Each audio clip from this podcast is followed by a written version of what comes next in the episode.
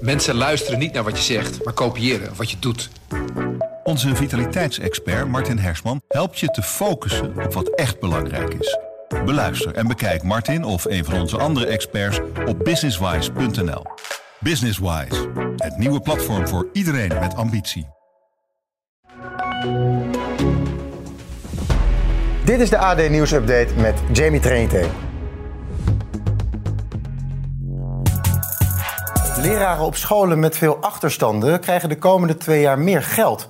Dit moet ervoor zorgen dat het aantrekkelijker wordt om op deze scholen te werken. Minister van Onderwijs Arie Slop, welke scholen komen hiervoor in aanmerking? Dat zijn scholen in, het, uh, in de basisscholen, scholen voor voortgezet onderwijs en scholen voor uh, speciaal onderwijs. En omdat wij ook al op andere manieren deze scholen vaak ook ondersteunen in het kader van toch wel de grotere uitdagingen die ze hebben, uh, kunnen we ook wel redelijk goed deze scholen traceren. En het zijn er ongeveer zo'n 1300 in Nederland. En waarom hebben juist deze scholen het extra geld nodig? U gaf het denk ik net zelf al aardig aan. Uh, we weten gewoon dat corona alle scholen heeft geraakt. Daar geen enkele twijfel over. Er is door iedereen heel hard gewerkt. Maar er zijn toch speciale scholen waar corona toch echt harder aankomt. En dat zijn vaak ook scholen, ook in grote steden. Maar ook scholen waar het lerarentekort ook weer groter is. Ook moeilijker om leraren vast te houden. En ik heb met de Kamer afgesproken dat we deze scholen dan via een arbeidsmarkttoelage deze komende twee jaar, want die is bedoeld om de achterstanden en de vertragingen weg te werken, dan ook eh, extra zullen belonen. Ja, het moet toch echt extra leraren naar de scholen toetrekken. Hoeveel geld krijgen deze docenten op deze scholen er dan bij om het aantrekkelijker te maken? Nou, in het Nationaal Onderwijsprogramma is er 375 miljoen euro uitgetrokken voor deze twee jaar om, uh, om deze docenten te belonen. Uh, het zal er wat van afhangen, uh, zeg maar hoe groot de school is, hoeveel leraren, hoeveel leerlingen. Dus, maar gemiddeld gaat men er zo'n 8% op vooruit. En dan moet u bijvoorbeeld denken aan een leraar op een basisschool, dat hij dan zo'n 350 euro bruto er maandelijks bij zal gaan krijgen. Maar het moet speciaal verdeeld worden in de school. Dus het, de situaties kunnen wel iets wat verschillen. Maar dat is ongeveer wel waar we aan denken. De situaties kunnen iets wat verschillen. Bedoelt u dan ook het, dat er een onderscheid wordt gemaakt tussen het soort functie of het soort onderwijs? Ja, ook. Uh, schoolleiders. Uh, kijk, als je 8% uh, meer krijgt gemiddeld van je salaris, dan. De salarissen zijn natuurlijk soms ook wel verschillend. Hoeveel jaar heb je gewerkt? hoeveel dagen werk je? Maakt natuurlijk ook nog uit. Uh, maar iedereen deelt erin mee, dus ook het ondersteunend personeel. Uh, uh, dat is natuurlijk ook heel fijn. die zullen ook deze verhoging gaan krijgen in hun salaris. Ja, dit is een hele belangrijke stap, maar er is al jaren meer geld nodig voor de leraren, juist in achterstandswijken. Waarom heeft het zo lang geduurd? Nou, we hebben in de afgelopen jaren ook al fors geïnvesteerd. Uh, in het primair onderwijs bijvoorbeeld hebben we in deze kabinetsperiode de salarissen met 14% uh, verhoogd. Uh, wat we nu aan het doen zijn, is het Nationaal Onderwijsprogramma aan het uitvoeren. En daar zijn deze twee, dit cursusjaar en het volgend cursusjaar, ook voor bedoeld. En in dat kader komt er dus nog aanvullend ook weer extra geld, met name ook voor deze scholen.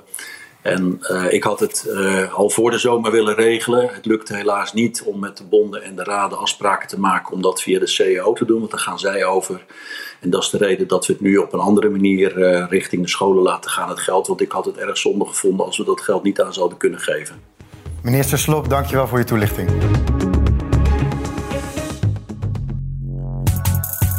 Informateur Mariette Hamer doet vandaag opnieuw een poging om onderhandelingen over een nieuw kabinet op gang te brengen. Politiek verslaggever Hans van Soest. Ja, de VVD, D66 en het CDA komen vandaag opnieuw bij informateur Hamer. Waar zal het vandaag over gaan? Nou ja, over de vraag waar het eigenlijk al over gaat sinds de dag na de verkiezingen, uh, alweer uh, ruim vijf maanden geleden. Wie wilde met wie gaan onderhandelen over de vorming van een nieuw kabinet? Nou ja, eigenlijk is dat nog steeds de fase waar we nog steeds in zitten. En dat is toch wel heel erg opvallend, want vorige week had het er echt alle schijn van dat er een doorbraak zou komen. Zit het dan nu weer opeens muurvast? Uh, nou ja, weer of nog steeds is misschien beter het woord. ja. uh, uh, alle partijen zitten er gewoon nog steeds precies hetzelfde in de wedstrijd. Uh, D66 uh, wil heel graag met PvdA en GroenLinks uh, verder. VVD en CDA willen dat weer niet. Die willen liever met de ChristenUnie. En een andere werkbare meerderheid is er eigenlijk op dit moment niet te vinden. Want allerlei andere partijen zijn er lang afgevallen of afgeschoten door andere partijen. dus ja, het is eigenlijk al maandenlang het spelletje wie geeft er als eerste toe. Dat is het eigenlijk. Partijen zitten naar elkaar te kijken van ik wil mijn zin krijgen, dus geef jij, schik jij maar in. En dat, we zijn nog steeds niet verder. Het is een soort spelletje op een schoolplein van kinderen die, die elkaar in de ogen staan te kijken. Wie blinkt het, blinkt, blinkt het eerst met zijn ogen. Ja, je zegt eigenlijk alle partijen zitten op dezelfde manier in de wedstrijd. Maar twee van die partijen, daar zit wel binnen intern wat meer onrust. Het CDA en de Partij van de Arbeid. Wat is er precies aan de hand? Nou ja, overigens geldt dat wel voor meer partijen hoor. Uh, bij de VVD zijn ook wel, uh, is er ook wel, zijn er ook leden te vinden die boos zijn. En GroenLinks ook. maar bij de PvdA zijn er weer leden die zeggen van ja, het is allemaal leuk die samenwerking met GroenLinks. Maar we moeten eigenlijk helemaal niet in een kabinet willen stappen met de VVD. Zeker niet met Mark Rutte. want dat is het grote kwaad voor een hoop mensen op links. binnen het CDA zijn ze nog steeds niet bekomen van de breuk met Pieter Omtzigt, populaire Kamerlid. Uh, die zit nu nog steeds ziek thuis, maar die komt half september terug naar Den Haag. Iedereen wacht af, wat gaat hij doen? Gaat hij een nieuwe partij oprichten? Uh, gaat hij gewoon als eenmansfractie verder? Uh, zelf houdt hij zijn kaken op elkaar. en binnen het CDA zijn er heel veel leden die willen dat de partijtop gaat proberen om weer een lijnpoging te doen, zodat omzicht weer terugkomt in de partij.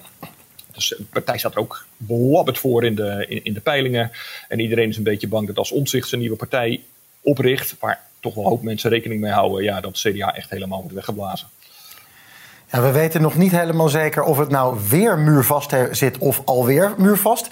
Wat we wel zeker weten is dat de informateur Hamer, die had al klaar moeten zijn. Hoe lang, hoe lang zal zij het nog laten duren? Ja, weet je, eh, vorige week dachten we dat het de week van de waarheid was. Uh, deze week is weer een week van de waarheid, maar misschien volgende week ook wel. Want eind deze week gaan eerst GroenLinks en PvdA hun achterban raadplegen wat zij vinden van hun plan om te gaan samenwerken, intensief te gaan samenwerken. Ik kan me zo voorstellen dat uh, D66, VVD en CDA zoiets hebben van nou laten we eerst even afwachten hoe die achterbannen reageren voordat we überhaupt weten of het nut heeft om met die twee te gaan verder praten. Dus het, het is echt koffiedik kijken, Jamie. Um, Week van de Waarheid, ja, dat, dat, hebben we nu al vijf maanden. Nou, het duurt in ieder geval een stuk langer dan we dachten. Iets heel anders vanmorgen. Sigrid Kaag die reageert op de situatie in Afghanistan. Ze zegt dat er extra tijd nodig is voor het evacueren van mensen uit Kabul. Wat zei ze er precies over? Nou ja, eigenlijk komt het erop neer. Het gaat ons gewoon niet lukken om iedereen uh, uh, op tijd uit Afghanistan weg te krijgen. En hoe komt dat? Um, sorry, ik moest heel even iemand wegjagen hier. Um, uh, hoe komt dat? Uh, de Taliban heeft gezegd, uh, 1 september moet echt iedereen Afghanistan uit zijn. Hè? die Amerikaanse soldaten die zitten daar met duizenden die, dat vliegveld te bewaken.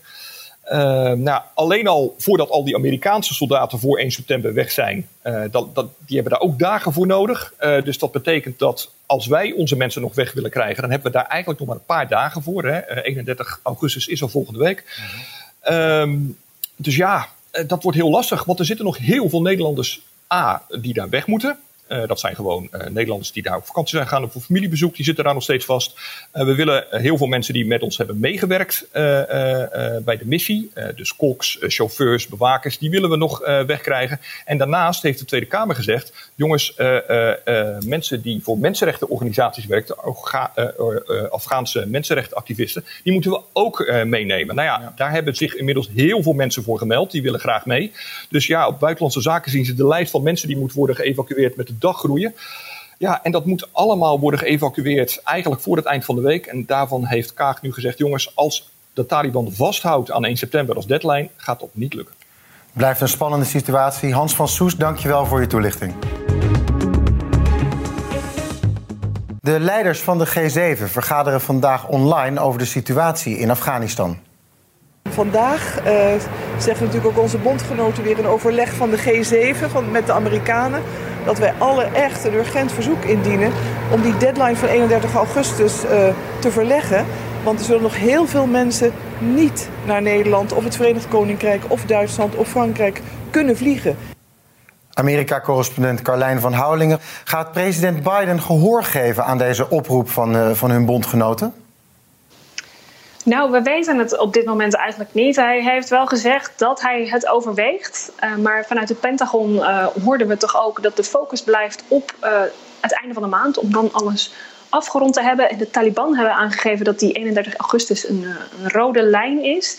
Ehm, ja, dus het is vooralsnog even de vraag wat Biden gaat doen. Hij is erg vastbesloten geweest om alle Amerikanen daar weg te halen.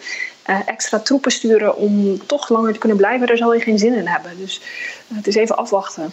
En hoe wordt er verder in de VS gekeken naar het uitstellen van de deadline om Afghanistan te verlaten? Nou, wat je moet weten is dat die deadline eigenlijk vrij willekeurig is. Uh, Joe Biden heeft op een gegeven moment besloten dat de Amerikaanse troepen weg zouden moeten uit Afghanistan voor 11 september. Uh, voor de 20-jarige herdenking van de aanslagen op 11 september 2001, die ooit de aanleiding zijn geweest voor die missie, uh, die oorlog in Afghanistan. Um, daar is eigenlijk nou, met, met de natte vinger 31 augustus uitgekomen om daar toch net voor te gaan zitten en nog even wat tijd te hebben. dus het is geen harde afspraak met de Taliban of zo. Het is een streefdatum eigenlijk, veel meer dan een harde deadline. Maar de Taliban gebruikt het nu wel als harde deadline. Uh, dus in principe is er um, niet zoveel op tegen om die, uh, om die datum wat te verleggen, behalve uh, symbolisch natuurlijk. Uh, nou, zeker ook de reactie van de Taliban, maar Biden gaat er ook vanuit: Amerikanen willen weg uit Afghanistan. En ja, ik ga geen extra troepen sturen om dat toch nog weer langer te laten zijn, om daar toch weer langer over te doen. Eigenlijk alle Europese landen die hebben gezegd dat ze deze deadline niet gaan halen. Hoe zit dat voor de Amerikanen? Zijn zij eigenlijk wel klaar met evacueren op 31 augustus? Nou, dat zal zeker ook meespelen bij dat besluit van Biden. Want we horen dat het de Amerikanen ook niet gaat lukken. Uh, congresleden die daarover gebriefd zijn, uh, zeggen ja, dat, dat lijkt heel erg onwaarschijnlijk dat iedereen die daar weg wil en moet, uh, daar ook weg kan zijn in die komende dagen. Joe Biden heeft gezegd: Amerikanen, als je in Afghanistan bent, we halen je naar huis als je daar weg wilt. Um, dus zeker voor mensen met een Amerikaans paspoort ja, zal gelden dat hij toch ook na 31 augustus hen niet kan achterlaten. Um, maar de vraag is ook wat hij dan doet met Afghanen die geen Amerikaans paspoort hebben of nog in dat proces zitten om een, visa aan te een visum aan te vragen. Um, dat gaat niet voor 31 augustus uh, lukken. En de zorg is dus dat ja, die mensen wel eens uh, um, uh, minder geluk kunnen hebben in, in dat hele proces dat zo moeizaam gaat. Tegelijkertijd weet de VS ook niet goed hoeveel Amerikanen nog in Afghanistan zijn. Dus het is allemaal heel onduidelijk. Het is op dit moment een steeds harder wordende deadline. Hoe zijn de Amerikanen van plan dit linksom rechtsom tot een goed einde te brengen? Nou, om te beginnen heel hard door evacueren. Um, we horen vanuit het Witte Huis vanochtend dat in de afgelopen 24 uur meer dan 21.000 mensen uh, uit Kabul zijn weggevlogen. En dat is dan door de Amerikanen en door de bondgenoten. Um, en verder gaat Amerika in gesprek met de Taliban. Uh, de directeur van de CIA is uh, zelf naar Kabul gevlogen om met de top van de Taliban te overleggen over onder meer dit onderwerp. En er is al wat kritiek op in de VS. Er wordt onderhandeld met terroristen, is dan, uh, is dan de, de, reactie. maar dat ja, hebben de Amerikanen al veel langer gedaan. Ze hebben onderhandeld met de Taliban. En nu wordt er dus ook intensief overlegd over hoe dit afgewikkeld kan worden.